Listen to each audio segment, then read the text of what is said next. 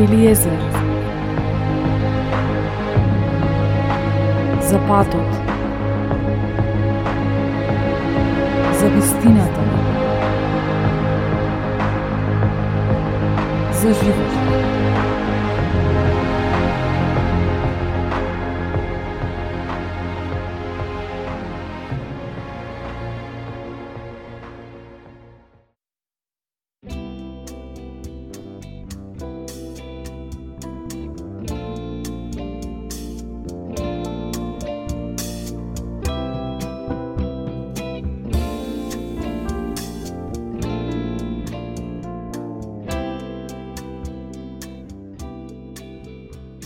Најпоставуваното и најинтригантното прашање кај секој човек е Како работи верата? Како доаѓа до реализација или успех во она што сме го посакале или ни е потребно и тоа се претворило во реалност? Сигурно е дека во тој процес клучена е верата. Постојат истакнати принципи според кои Божијата вера функционира. Божијата вера е онаа вера која ја поместува Божијата рака. За да се биде успешен учесник во Божите работи, потребно е да се запазат одредени принципи и необходно е да се знаат основните правила. И на тој начин да учествуваме заедно со Божиот дух и да оперираме во согласно со Божиот збор. Со поимот вера сакам да укажам на верата со која Исус лекуваше луѓе, со која правеше чуда, со која луѓето ги збавуваше од демони, односно Божјата вера.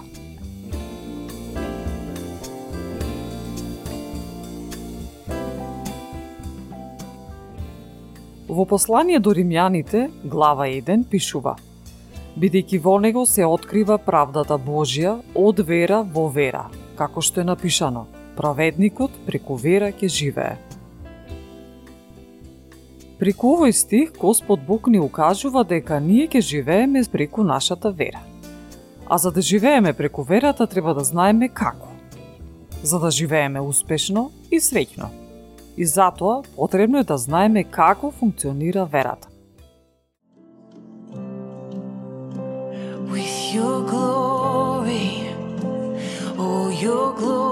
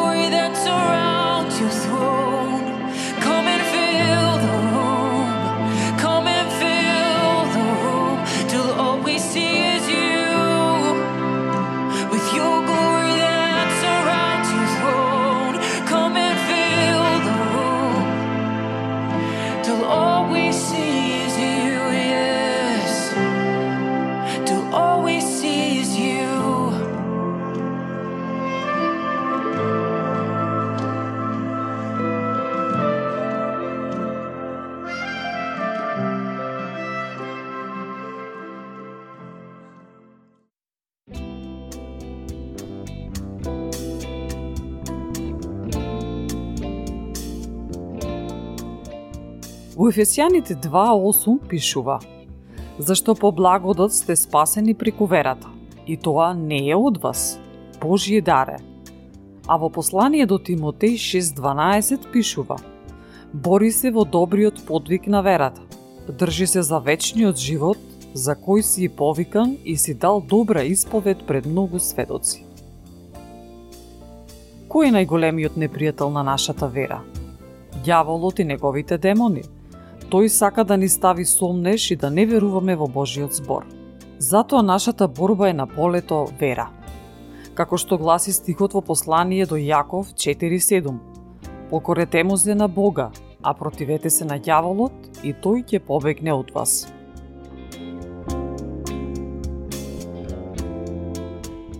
Во прво послание на Јован Богослов 5.4 пишува Оти секој кој е роден од Бога го победува светот, и ова е победата што го победи светот, верата ваша.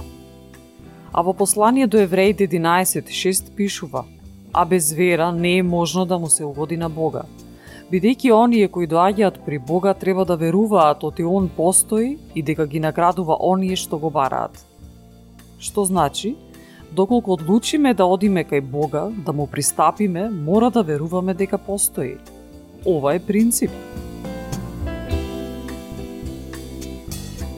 Еве, на пример, доколку сакаме да патуваме со автобус или авион, патувањето ни е закажано во одреден час. Билетот сме го купиле за да патуваме во 11 часот.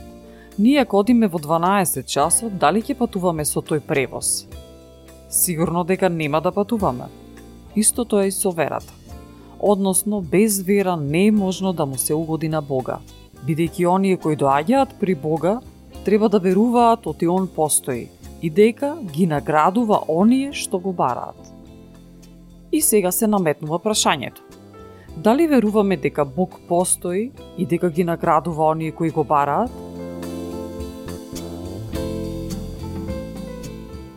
А Бог секогаш не наградува, не понекогаш или од време на време. Од овој контекст може да се заклучи дека не постои и не важи, потенцирам, не постои и не важи она народната. Господ дава, Господ зема. Дали ни е јасно? Сиромаштијата, смртта, уништувањето, траумите, страдањето и што уште не, сигурно не се од Господ. Зарем тоа е награда? Ако верувате во ваков Господ, сигурно не верувате во вистинскиот, кој единствениот син го даде за наше спасение. Да се подсетиме дека ѓаволот е крадецот кој доаѓа да украде, убие, уништи, а Исус дојде да имаме живот вечен и во изобилие. Изобилието е спротивно на сиромаштијата. Така што, Ако го знаете овој принцип, нема да бидете излажени дека Господ сака да ви даде сиромаштија или болест. Нема потреба да просите од Господ за тој да се смилува па да ви даде. Прашањето е дали верувате во Него. Го читате ли Неговиот збор? Сите го винуваат за се што е лошо, а никој не го обвинува ѓаволот. Колку чудно и нелогично.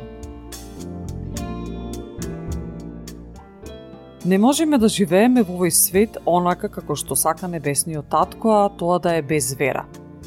Праведникот живее според верата. Не можеме да се спасиме без вера. Не можеме да извојуваме победа без вера. Не можеме да му удоволиме на Бога без вера. Постои дефиниција во Божиот збор што ја дефинира верата. Имено, во послание до евреите 11 глава пишува – а верата е жива представа за она на кој се надеваме и докажување на она што не се гледа, или според друг превод. Верата е тврда увереност во она на кој се надеваме и убедување за нештата што не се гледаат. Верата функционира, работи сега, во моментов. Не вчера, не во иднина, туку сега, веднаш – Во англискиот превод на овој стих постои зборот сега. Зошто е важно да го знаеме овој збор? Затоа што верата работи сега, како што ни вели Исус. Кога се молите, верувајте дека ќе добиете и ќе ви биде. Што значи? Во моментот кога се молиме треба да веруваме за она што се молиме дека ќе го добиеме. Доколку се молиме сега, во овој момент, значи дека сега веруваме и со тоа ја активираме верата. Дали сте забележале дека во нашиот речник обично говориме вак? Ќе биде подобро, ќе оздравам, ќе правам нешто, односно потребуваме идно време. Верата дека нешто ќе се случи ја ставаме во идно време. а Божиот збор јасно ни укажува дека верата функционира сега. Доколку изговориме вака, еден ден Господ ќе ми помогне и ќе стори нешто во врска со моето лекување или финансии. Во оваа реченица не постои вера. Зошто не постои? Затоа што изјавуваме дека Господ се уште нема ништо направено со нашиот проблем и дека некогаш, а не знаеме точно кога, може би ќе направи нешто. Да се подсетиме дека тој направи се што треба. Исус дојде, не откупи, не ослободи од клетвата на законот, го зеде нашето место и сега имаме и добивме се по вера, како што пишува. А тој беше изнаренет за нашите гревови, Казната за нашиот мир падна врз него, а преку неговите рани ние се излекувавме. Зарем не е така? А што прават многумина? Мислат дека ако е Божија волја ќе бидат излекувани, ќе просперираат, ќе бидат успешни и се надеваат дека ако се смилува, тој ќе им помогне. Во што е проблемот? Проблемот е во тоа што не знаеме кои сме, што ни следува, што треба да правиме како деца на семојкниот Бог. А како ќе знаеме? Каде пишува? Во Светото Писмо – пишува се што треба да знаеме. Може би изгледа и звучи нелогично кога зборуваме дека сега сме излекувани, а се чувствуваме уште болни, уште имаме симптоми, или дека сега сме богати, кога финансиите се уште ги немаме во своите раце, но во тоа се состои верата и на таков начин функционира.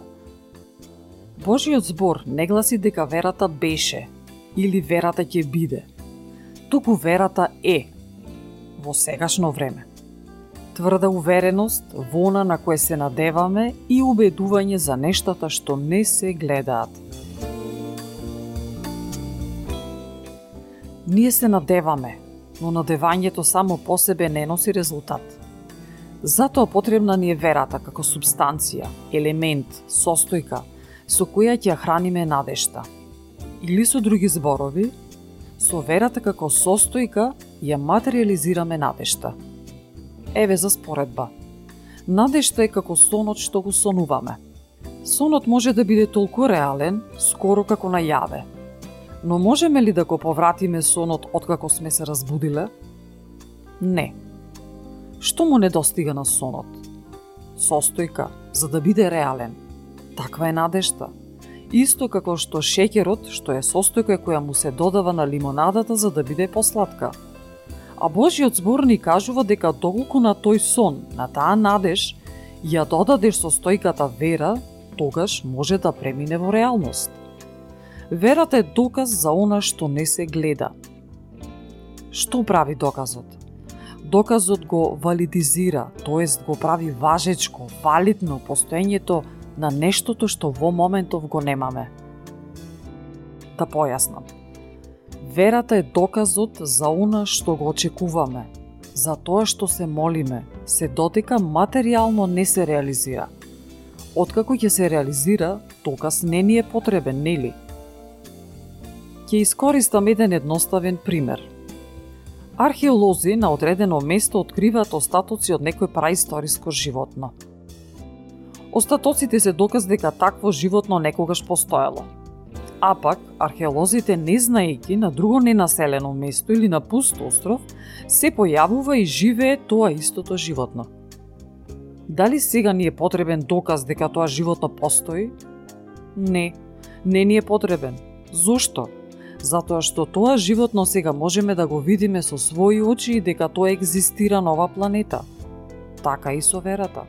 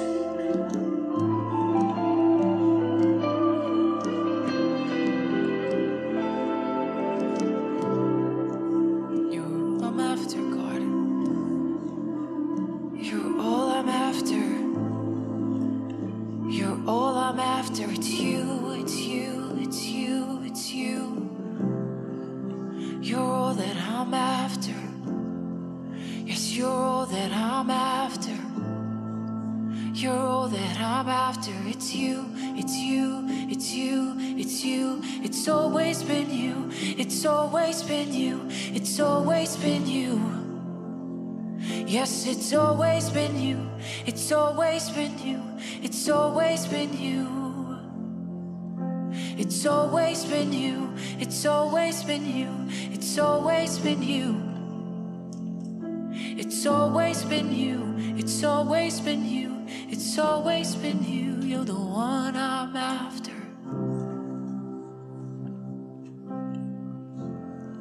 You're the one I'm after. I will never stop pursuing you. You're the one I'm after. I will never stop.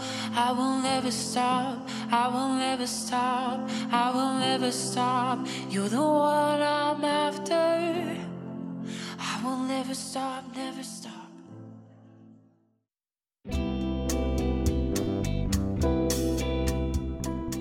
Многу често потребно ни е нешто и веднаш сакаме да го добиеме, но веруваме дека го имаме и дека е на пат да биде во нашите раце. Затоа е верата. Затоа гласно изјавуваме дека сме здрави, дека сме просперитетни, дека го имаме тоа и тоа. Доколку го имаме и го гледаме, не ни е потребна вера за да веруваме дека ќе го имаме или дека кога го добивме да речеме дека веруваме. Туку веруваме дека го имаме пред да го добиеме.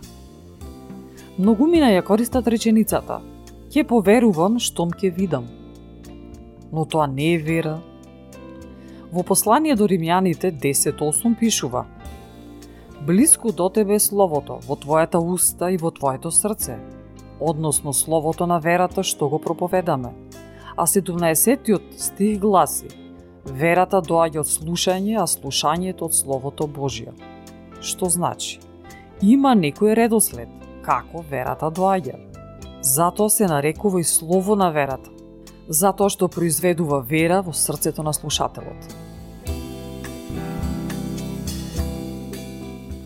За да можеме успешно да живееме со Бога, ние мораме да научиме како да живееме надвор од сферата на телесните сетила, како што гласи дефиницијата. Убедување за нештата што не се гледаат, затоа што нештата од Бога се во духовниот свет, а нашата вера е таа што го возможува трансферот од духовниот во физичкиот, материјалниот свет. А се додека посакуваното нешто не пристигне во физичкиот свет, верата ни е доказ за нештото, односно Божиот збор ни е доказ за нештата што ни припаѓаат и што имаме право да ги добиеме. Верата за одредена ситуација е привремена. Веднаш штом таа ситуација ќе се разреши, верата повеќе не е потребна. Во прво послание до Коринтијаните 5.7 пишува Бидејќи според верата живееме, а не според гледањето, или со други зборови, живееме според Божиот збор, а не посетилата. Она што е важно да се знае тоа што нештата постојат во две форми. Прво постојат во духовната форма, односно во форма која што е надвор од сферата на нашите физички сетила, односно онаму каде што е Бог. Исус во Евангелие според Јован 4.24 на жената Самаријанка и вели Бог е дух, и оние што му се клањаат треба да му се поклонуваат со дух и со вистина. Бог живее во свет кој не може физички да се допре, току треба да се живее според духот, па за да се осознае. Тоа не значи дека не е реален тој свет, туку напротив, пореален е од овој овде, како што гласи. Во почетокот Бог ги создаде небото и земјата, така што, штом Бог е дух, а ја создал земјата и се останато, тогаш што е пореален од што било и нештата зависат од него, а не тој од нив.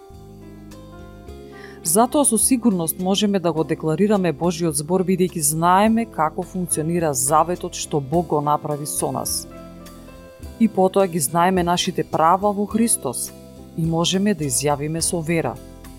верувам дека сите потреби ми се задоволени. Но, мора да бидеме убедени дека тие нешта се реални и дека постојат. Инаку, од каде би ги очекувале истите? Станува збор за дуалност, односно постоење на два паралелни светови. Пример за тоа се аудиобрановите. Постои AM и FM фреквенција. Можеме ли да ги видиме? Не, а сепак тие постојат. Бог постои во друга сфера, духовната. Она што ние треба да го направиме е да се вклучиме на таа фреквенција. А верата е инструмент за тоа. Верата е како далечински управувач. Без него не можеме да го вклучиме телевизорот и да избереме телевизиска програма. А за тоа како работи телевизорот, производителот ни дава упатство за работа. Такво упатство за работа ни дава и небесниот татко, а тоа е светото писмо. А преку тоа упатство знаеме како треба да функционираме. Ако ни се потребни финанси, ги бараме инструкциите за да добиеме финанси. Ако ни треба здравје, го правиме истото. И за се така. Плюс, треба да бидеме убедени дека тоа постои. И се што ќе побараме, треба да веруваме дека веќе постои во тој невидлив свет се наметнува прашањето. Веруваме во тоа? Во послание на апостол Јаков, првата глава пишува Ако некому од вас не му достига мудрост, нека ја моли од Бога, кој на сите им дава изобилно и без укор, и ќе му се даде. Но да се моли со вера и никако да не се сомнева. Оти оној кој се сомнева прилега на морски талас, кого ветрот го издига и растура. Таков човек нека не мисли дека ќе добие нешто од Господа. Се што се вклучува во заветот со Бог, ни следува нам, но никогаш нема да го имаме, нема да ги примиме придобивките од тоа се додека не го изјавиме со устата и поверуваме во нашето срце, по вера, а не по гледање. Живењето според сетилата може да не доведе до погрешни патеки. Дјаволот ги користи нашите сетила за да ни стави, да ни наметне погрешни мисли, ќе ги скористи нашите емоции и ќе не стави во заблуда, збунетост, илузија, се со цел да не уништи. Ние сме должни да се спротиставуваме на неговите лаги, како што пишува, противете се на дјаволот и тој ќе побегне од вас. Кои се чекорите што треба да ги направиме за да проработи верата? Како треба да постапиме? Што треба да направиме? 24 стих од 11 глава од Евангелие според Марко гласи Затоа ви велам, се што ќе побарате во молитва, верувајте дека ќе го добиете и ќе ви биде. Да потенцирам дека ова го зборува Исус Христос, главата на црквата, Синот Божије, – ова ќе го прифатиме или ќе го одбиеме. Трето нема. Треба длабоко во нашето битие да веруваме дека Божиот збор е вистина. Инаку, колку и да зборуваме, е залудно. Треба да знаеме дека Исус Христос е патот, вистината и животот. Нема друг пат, нема друг извор на живот, нема друга вистина. Уште еднаш. Стихот гласи Се што ќе побарате во молитва, верувајте дека ќе го добиете. На кој се однесува информацијата? На нас. Ние што и да посакаме ќе добиеме, што и да е. Може да се забележи дека Исус не ни става некакви ограничување на нашите желби. Така што, воопшто не треба да се запрашуваме дали треба да оздравиме, дали треба да сме богати, просперитетни, успешни, дали заслужуваме или не. Небесниот татко обезбедил се за секого од нас. На секого му дал благослови, пари, луѓе кои ќе не сакаат успешна кариера, имот и тоа изобилно. Секој од нас има своја небесна сметка, исто како што е нашата банкарска сметка. Нема потреба да крадеме од друг за ние да имаме, или пак некој друг нас да не краде. Има за сите – Бог веќе ни обезбедил се.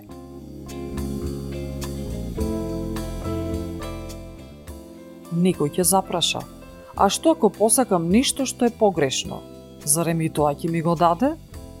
Прашањето е зошто да ти падне на памет да посакаш нешто што не го сака твојот небесен татко и е погрешно. Доколку посакуваш погрешно, резултатот ќе биде само грев, а гревот носи духовна смрт, а животот е само во Исус Христос. Во псалмите пишува Утешувај се со Господа, и Он ќе ти даде срцето твое што ќе посака. А во Евангелие според Јован 15.7 пишува Ако останете во мене и зборовите мои во вас, тогаш што и да посакате, барајте и ќе биде. Кој е клучот за да се добие тоа што се посакува? Клучот е да останеме во Бога и неговите зборови во нас. Така ние ќе ги знаеме нашите права, што ни следува, ќе знаеме што се е откупено за нас со крвта на Исус Христос и што правично ни следува. Ќе знаеме што го усреќува нашиот небесен татко, а со тоа ќе знаеме и што е погрешно.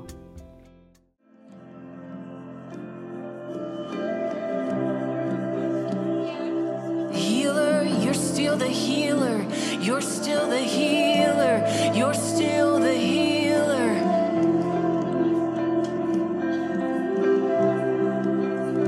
You're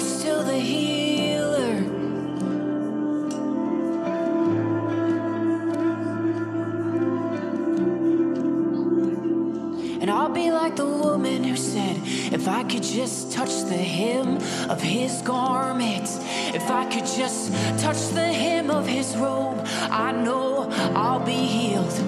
So tonight we stand in faith and we prophesy that he's still the healer of every need. He's still the healer of every need.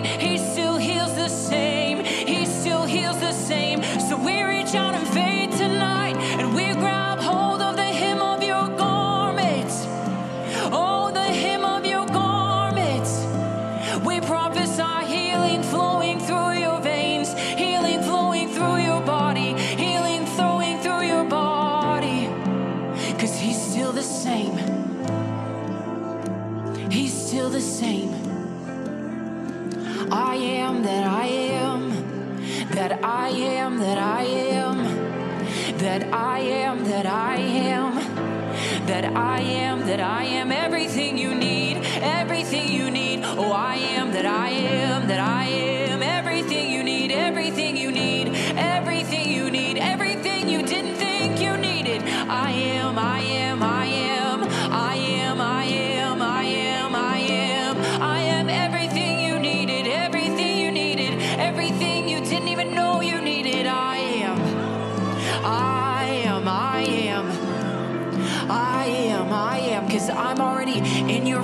and I know what you need, and I am, I am, I am. And I hear him say, Would you stop worrying? Would you stop worrying what tomorrow might bring? Because I'm already there and I've already made a way. Will you just be ever present with me? Will you just be ever present in this moment right here with me and trust me and know that I'm already in your future waiting and everything's gonna be okay. Everything's gonna be okay. Where you thought you saw lack, I'm your great provider. I'm your great provider. I'm your great defender. I'm your great defender. So don't worry, don't worry. It's all gonna be okay. Better than okay. Better than okay.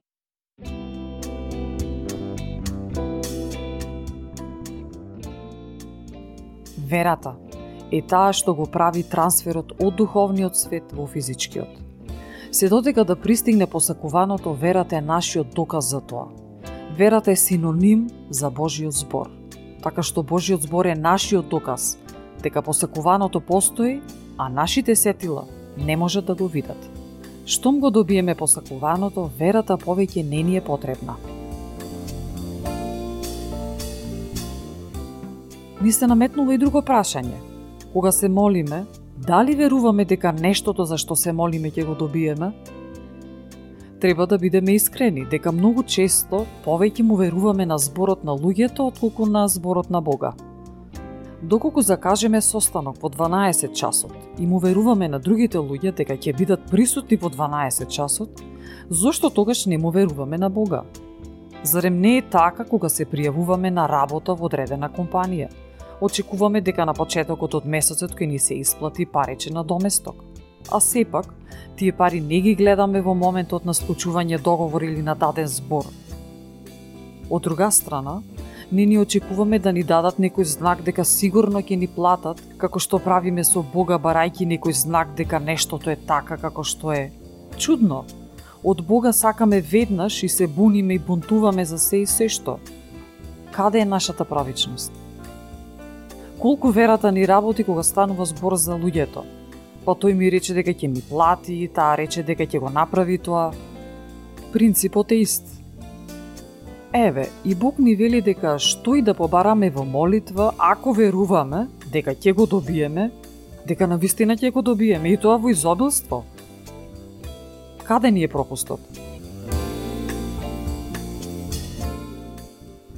Ќе искористам уште еден пример за да ја објаснам верата. Нели една метална паричка има две страни – глава и опачина. Паричката е одобрена од банкарскиот и платежниот систем во една држава и со неа може да се плаќа, било за производ, било за услуга. Односно се врши размена или трансакција. Исто на тој начин е со небесното царство. Валута за размена е верата. На едната страна од паричката е верата, на другата страна е верувањето. Потребни ни се и обете за да се изврши трансакцијата. Но, дали постои разлика помеѓу верата и верувањето? Да научиме од следниот пример. Се наоѓате на некој собир. Случувањата течат и одеднаш во салата влегува многу слаб, истоштен, прегладнет човек. Скоро сите ќе реагираат и сакаат да му помогнат на човекот.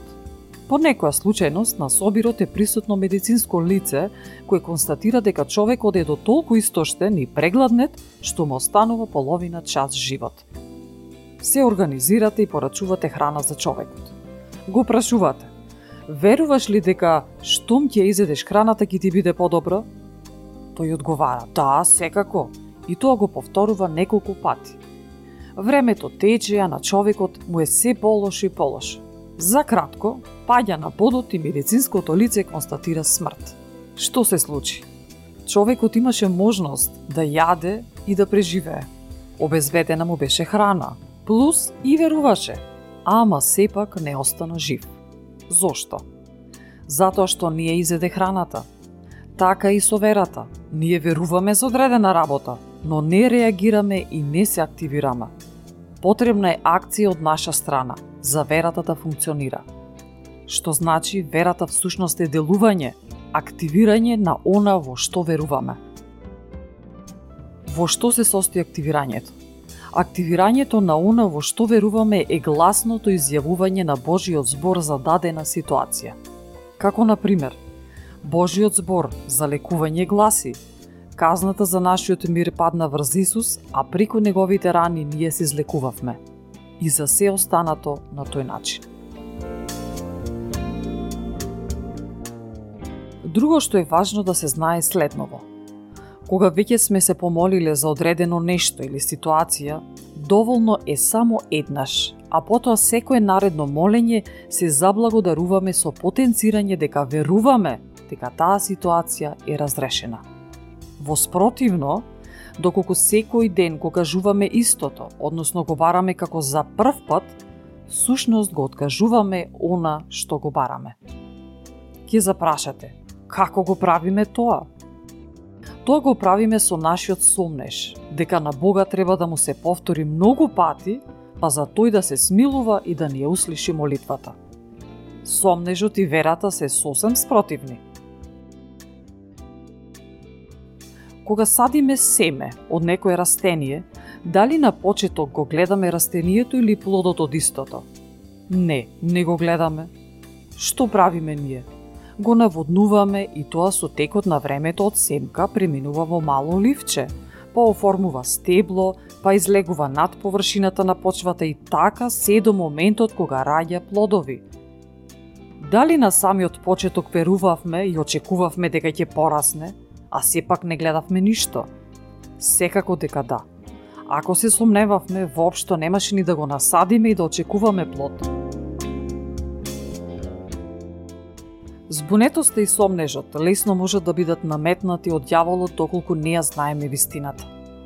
Во Евангелие според Лука 11 глава пишува И кој татко од вас, ако синот негов му побара леп, ќе му даде камен, или ако побара риба, па му даде змија место риба, или ако побара јајце, да му даде скорпија. И така значи, ако вие, бидејќи лукави, умеете да давате добри дарови на чедата свој, колку повеќе небесниот Отец ќе им даде Дух Свети на оние што му бараат.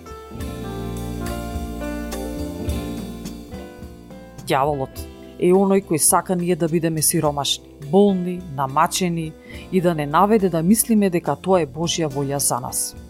Во прво послание на Јован Богослов 5.14.15 пишува И тоа е увереноста која имаме пред Него, дека ако побараме нешто по Неговата волја, тој не услишува што и да побараме. Знаеме дека ќе добиеме што и да сме побарале од него. Значи, ќе добиеме се што ќе побараме доколку е во согласно со неговата волја. А нема да добиеме она што не е по неговата волја.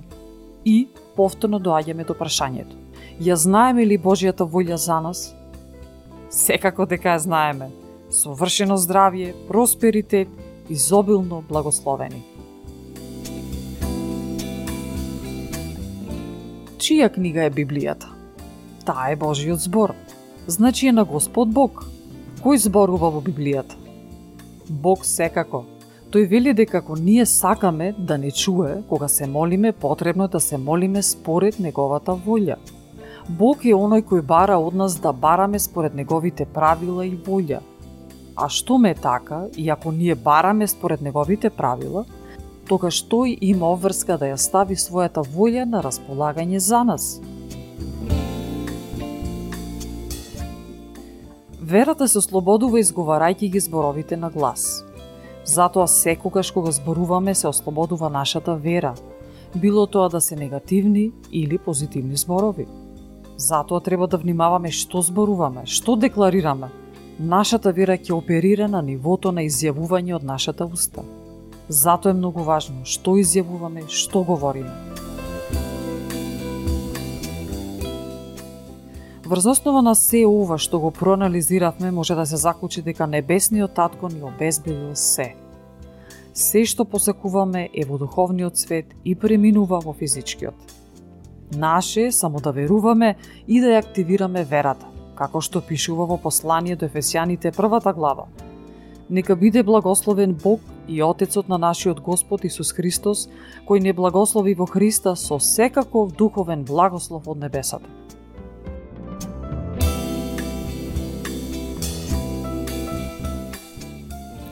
Доаѓаме до главниот и најзначаен момент – како да се молиме. Да ја користиме следнава молитва. Господи Татко, во името на Исус доаѓам пред Тебе сега да се помолам и мојата желба е да бидам здрав – од врвот на главата се до почетокот на прстите од моите нозе. Ти рече дека кога ќе се помолам да верувам дека го добив. Мојата желба е да бидам совршено здрав. Затоа јас сега се молам и верувам според Твојот збор, дека јас сега го добив лекувањето за моето тело. Јас верувам дека сум излекуван, од врвот на мојата глава си до почетокот на прстите од моите нозе. Те проколнувам болест во мојкиното име на Исус. Ти наредувам да исчезнеш, да умреш и да престанеш целосно да постоиш. Да се разбереме. Ова нема никаква врска со тоа како се чувствуваме. Може би нема да има никаква физичка промена веднаш. Да забележиме дека тој никогаш не рече дека кога ќе се помолиме за нашите жилби дека ќе има некаква физичка промена – дека не е ништо базирано на она што го гледаме или чувствуваме, туку тој рече дека се базира на она што, во што веруваме дека ќе го добиеме, односно примиме. Да предпоставиме дека се помоливме во понеделник, доаѓа вторник. Кога одиме на нашето редовно молење, на крај велиме. Ти благодарам, Господи, и сакам да те подсетам дека во понеделникот поверував дека го добив моето лекување. И ти ми рече дека во твојот збор, преку раните на Исус јас се излекував. Да те подсетам и да ти ставам на дознање дека верувам дека сум излекуван сега и дека го добив лекувањето во понеделникот. И вака, секој ден се додека не добиеме резултат од Царството Небесно. Последна недела ја кажуваме датата на тој ден и месец кога за прв пат сме се помолиле. Господ Татко го слушна барањето во молитвата и веднаш испрати одговор. Меѓутоа, времето да се донесе од одговорот од духовниот свет и да се манифестира во нашиот физичкиот е дека на патот се наоѓаат сатанат и неговите демони, кои се обидуваат да го украдат одговорот на молитвата и нашите ангели, кои се борат против нив. Доколку ви интересира повеќе за тоа, прочитете го делот од книга Даниил 10.13. Резултатот од битката зависи од нашиот спор, кој се декларира од нашата уста. И откако ќе бидеме излекувани, му велиме на Господ Татко, сега сум излекуван и ти благодарам за тоа. Слава ти тебе, Господи! Постапката може би не изгледа нелогична, но не станува збор за логика, туку за вера. Истата постапка се однесува и за се останато во животот, било да станува збор за финанси, разрешување на одредена ситуација и слично.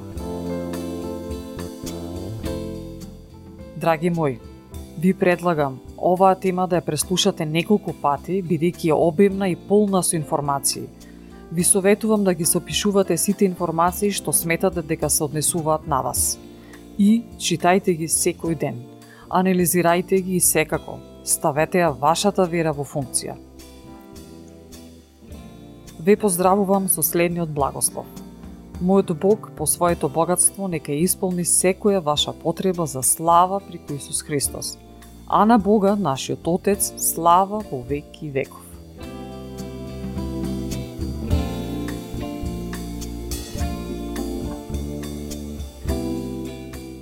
Ја следевте емисијата Елиезер, автор и водител Елена Ѓорѓевска Костадиновиќ, во соработка со и под покровителство на Господ Исус Христос и Светиот Дух.